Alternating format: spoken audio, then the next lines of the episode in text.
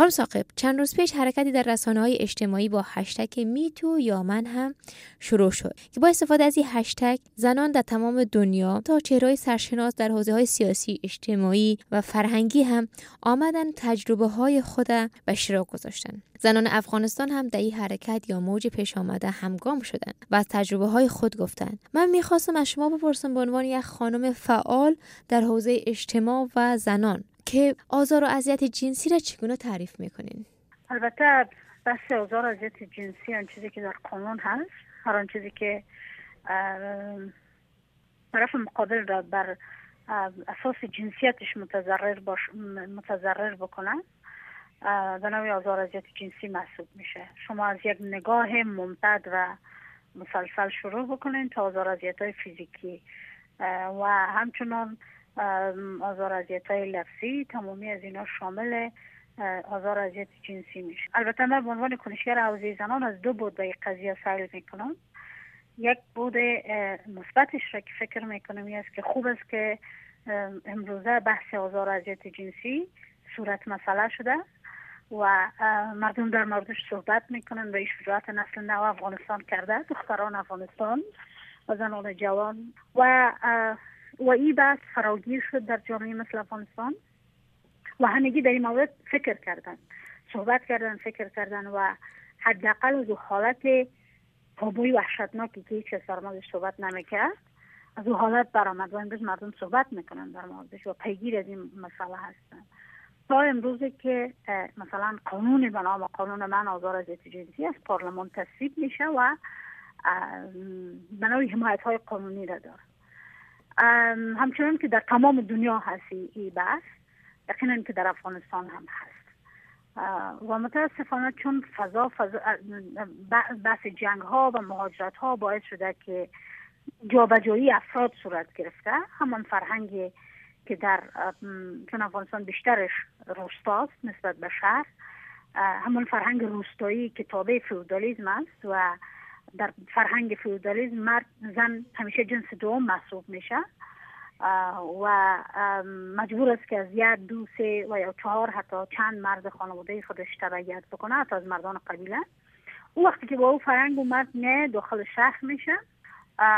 به همه با همون نگاه تکم و خشونت آمیز سیل می‌کنه. و اصلا خودش رو محق میدانه و خودش حق میده که به زنها به زنهایی که از زعم فکر از او آزادتر هستن و آزادتر میگردن به لباس میپوشن و در سرک ها میگردن و حتی زنانی که کشیدام هستن بتانه اونا رو مورد آزار اذیت قرار ده چه فرق فرقی نمی‌کنه که باید نگاه ممتد باشه و یا با پرزپرانی باشه و یا آزار اذیت های فیزیکی زنها را اذیت چقدر آزار و اذیت های جنسی با توجه به شهر و روستا متفاوت است. آیا پوشش زنان در اینکه مورد آزار و اذیت جنسی قرار بگیرند نقشی دارند چون در بیشتر اوقات زنان به دلیل پوشششان ملامت و مقصر دانسته میشن. آیا زنانی که با پوشش های معقول و پذیرفته شده مردان در جامعه هستن فعالیت می‌کنن با آزار و اذیت روبرو نمیشن؟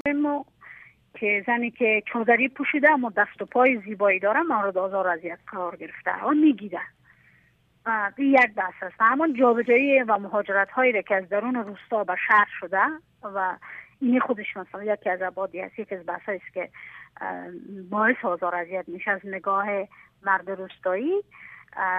زن نه به بیشترم خدمت شما عرض کردم زن باید تابع مرد باشه و چیزی که اون میپسنده باید به شکل باشه. در غیر از او مجاز است که به آزار اذیت بپردازه ولی اون زن در خارج از محدوده جغرافیایی خودش باشه خارج از محدوده خانوادگی خودش باشه. و دیگه ای که در شهرها چون جمعیت بسیار زیاد است فهمیده نمیشه که مثلا کی چه کسی را اذیت کرده. اما در روستا به شکل نیست. همگی یکدیگر را می‌شناسن واضح است که و بسیار واضح میشه اگر کسی کسی را اذیت کنه مورد اگر اگر سنت ها و نعنات قرار می‌گیره و, شما شاید هستین که اگر حادثه پیش بیاید در روستا بس کشتن دو طرف دو طرف صورت می‌گیره از خانواده زن و هم از خانواده اما در شهر به شکل نیست. در شهر چون تراکم جمعیت بسیار زیاد است. مردها بسیار راحت به خود اجازه میدن که زنها را آزار اذیت بکنن به خاطر که هویتشان پنهان میمونه و میمانه بحث لباس پوشیدن که من پیشان خدمت شما کردم که من کلی مسئله را رد می‌کنم. چرا؟ شما در هر نوع پوششی که باشید در هر نوع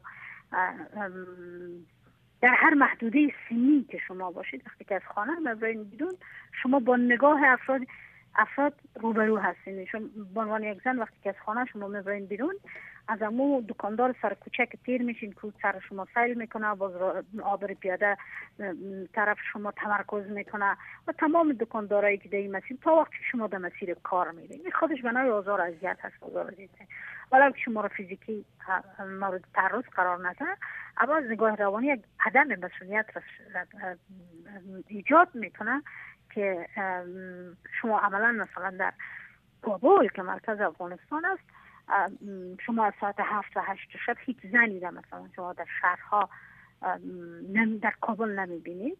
شما خود حدیث مفصل بخوان از این مجمل که در دیگر شهرها و در خورا و قصبات به چه شکل چند دقیقه پیش به تصویب شدن قانون منع آزار و اذیت جنسی از پارلمان اشاره کردین که دستاورد بزرگی است برای زنان. این سکوت و شکایت نکردن. آیا از عدم آگاهی زنان در مورد این قانون هست و یا که مثل همیشه میترسن که ملامت شوند و به اندازه کافی قانون حمایتگر نمی‌بینن.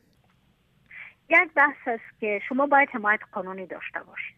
خیلی مهم هست که شما به عنوان یک شهروند و مخصوصا زن که آسیب پذیرتر هست و کودک شما حمایت قانونی داشته باشید. این یک بود قضیه است که بحث بسیار مثبتش هست. اما ای که زنها کم مراجعه نمی کنن و درصد بسیار کمی مراجعه می‌کنن.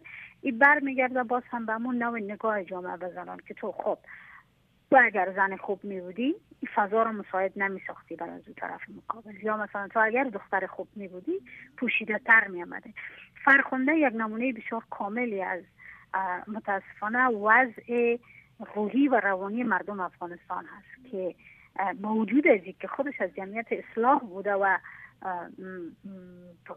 به جد چشمش چیز دیده نمیشه مردها چگونه او را سلوخی می‌کنن؟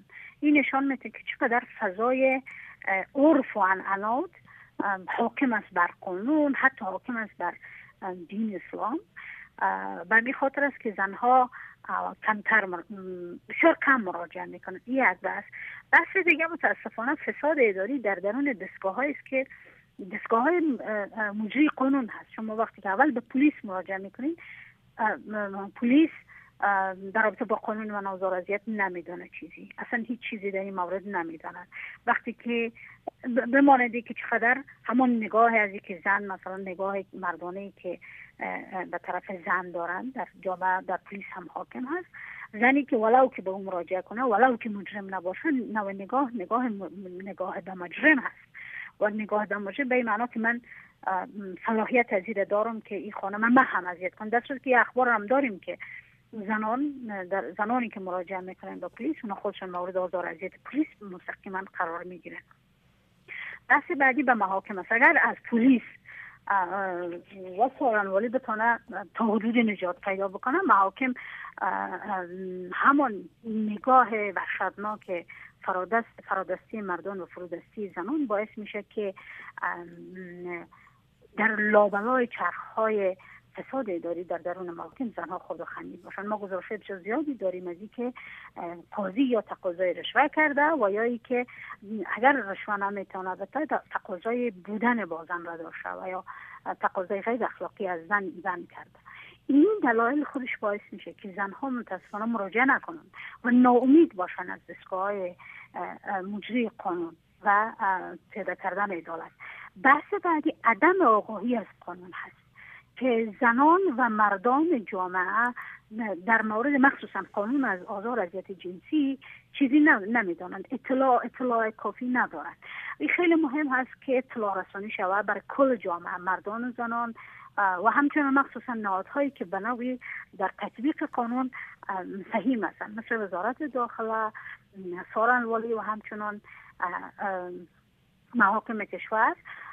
و در تمامی ادارات دولتی دانشگاه ها حتی از طریق رسانه ها به نظر این مسئله باید اطلاع رسانی شود. چرا مردی هم که آزار اذیت می‌کنن نمی‌دونه که چون قانونی هست؟ مطابق قانون مجبور است به پرداخت چی چیزی؟ و حتی زنان هم نمی‌دانند که ما مثلا در صورت مواجهه با چنین چیزی از چه پشتوانه حمایت های قانونی ما برخوردار خواهیم شد. بحث آزار اذیت جنسی یک مشکل بسیار بزرگ و همگانی است. به نظر شما با به اشتراک گذاشتن تجارب حتی توسط چهرههای خیلی شناخته شده در دنیای سیاست علم فرهنگ مد و موسیقی چقدر می‌تونه در حل کردن این موزل اجتماعی و بزرگ کمک کنه در نظر من صحبت کردن از مشکل خودش برداشتن اولین قدم برای حل مشکل برای, برای صورت مسئله کردن مشکل شما زمانی که مسئله را یا مشکل را صورت مسئله کردین باز ریشه یابی می‌کنین مسئله یابی می‌کنین و باز برای حل از اقدام می‌کنین. یک حرکت بسیار خوب است. یک حرکتی که در کنار از که متوجه می‌سازد قانوندان ها و کسانی که در حکومت کار می‌کنن که زنان باید جز اولویت های کاری باشن در کنار از این یک دکه هم میته به جامعه که حق خود میدانه مزاحمت بر زنان را. در جامعه که مردان به عنوان ساتیدی حتی به یکی دیگه تعریف می‌کنن و تاپه می‌زنن در چسب می‌زنن. فلان زن زن خوبی نیست به خاطر که مثلا من فلان روز زیر آزار دادم و خودش پا داد یا چطور داد یا فلان. این دکه که بله زنان بیدار هستن و در مقابل این عمل سکوت نمی‌کنن. و همچنان زمانی که پای قانون بیایه من فکر می‌کنم که خودش به نوعی تا حدودی یک مرزبندی های در ذهنیت افراد ایجاد کنه که من اگر به این خانم ضرر برسانم پس هست جاهای قانونی که کمک بکنم تشکر خانم سقیب از وقتی که به ما دادین. خواهش می‌کنم. سلامت باشین.